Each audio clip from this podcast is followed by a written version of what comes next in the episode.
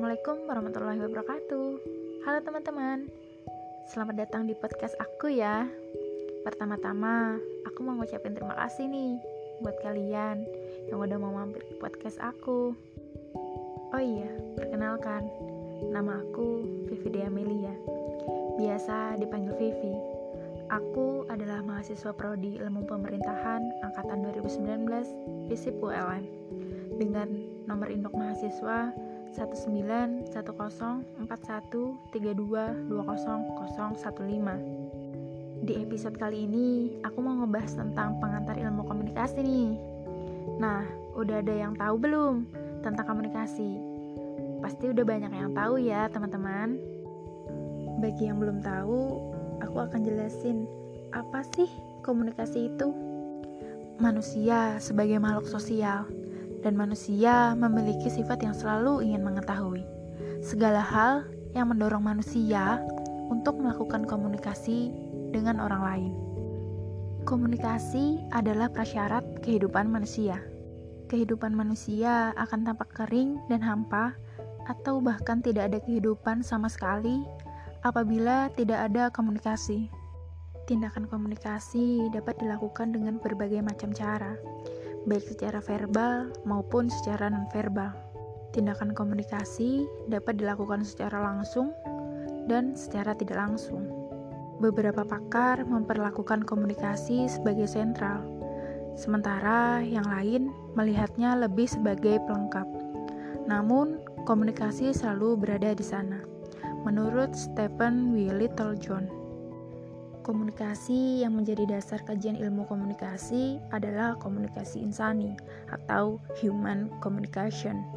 Istilah komunikasi berasal dari bahasa Inggris, yaitu communication, dan berasal dari bahasa Latin, yaitu communicatus, yang artinya berbagi atau menjadi milik bersama. Selanjutnya, komunikasi juga berasal dari perkataan Latin, yaitu komunis, yang artinya membuat kebersamaan atau membangun kebersamaan antara dua orang atau lebih.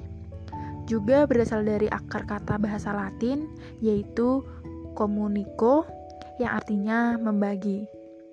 Berdasarkan pendapat para ahli, maka dapat disimpulkan unsur-unsur komunikasi adalah sebagai berikut. 1.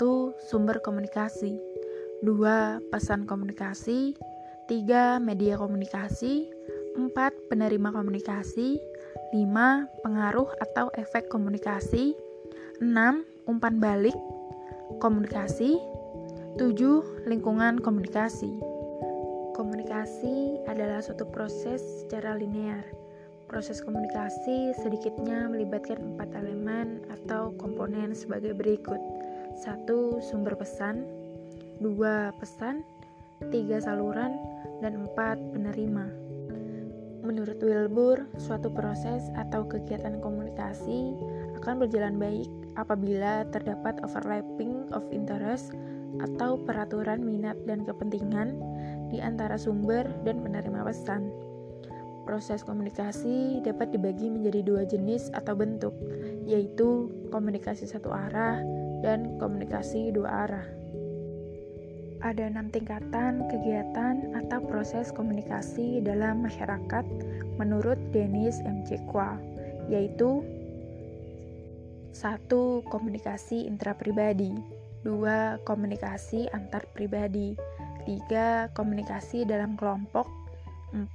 Komunikasi antar kelompok atau asosiasi 5. Komunikasi organisasi 6. Komunikasi dengan masyarakat secara luas Wilbur mengatakan bahwa tujuan komunikasi dapat dilihat dari dua perspektif kepentingan, yakni kepentingan sumber atau pengirim dan kepentingan penerima.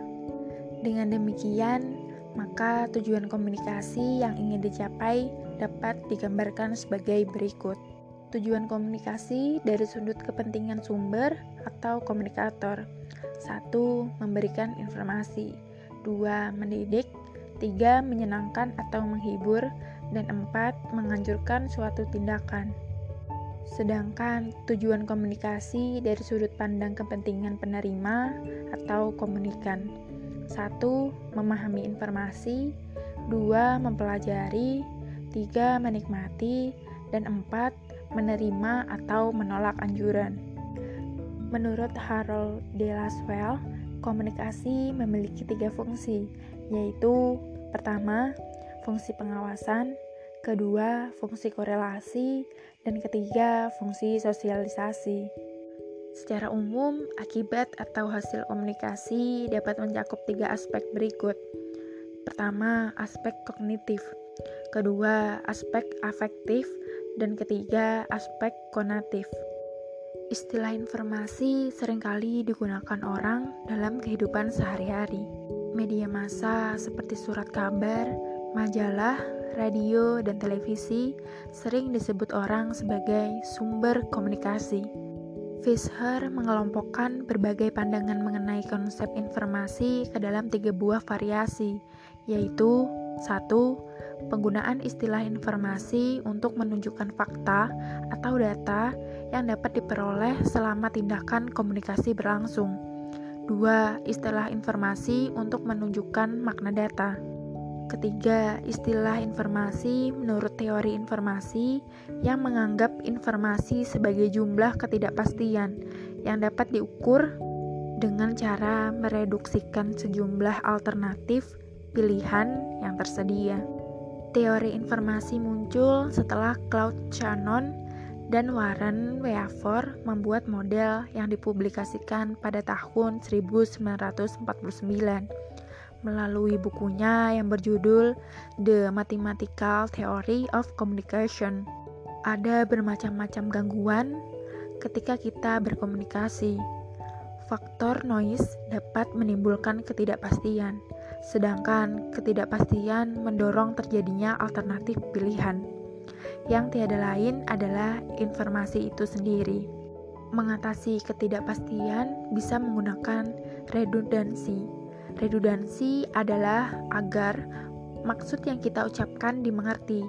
Mungkin Anda mengulangi lagi kata yang telah diucapkan atau mengganti dengan kata yang berbeda, namun maknanya sama. Tinggi rendahnya kualitas informasi dapat dilihat dari tingkat kegunaannya, nilainya, faktualitas, keterandalannya, kecepatannya, dan kebenarannya. Informasi adalah makna pesan, Pesan tidak mempunyai arti apa pun jika tidak diberi makna oleh komunikan. Broadback dikutip dari Fisher merumuskan tiga macam makna, yaitu satu makna referensial, dua makna yang menunjukkan arti suatu istilah sejauh dihubungkan dengan konsep-konsep lain, tiga makna intensional. Ada dua bahasa yang digunakan dalam komunikasi, yaitu bahasa verbal dan bahasa nonverbal.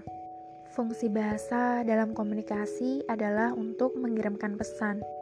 Hal-hal yang menyebabkan bahasa amat terbatas dalam menggambarkan realitas yaitu satu, bahasa itu statis, dua, bahasa itu terbatas, dan tiga, bahasa itu adalah abstrak.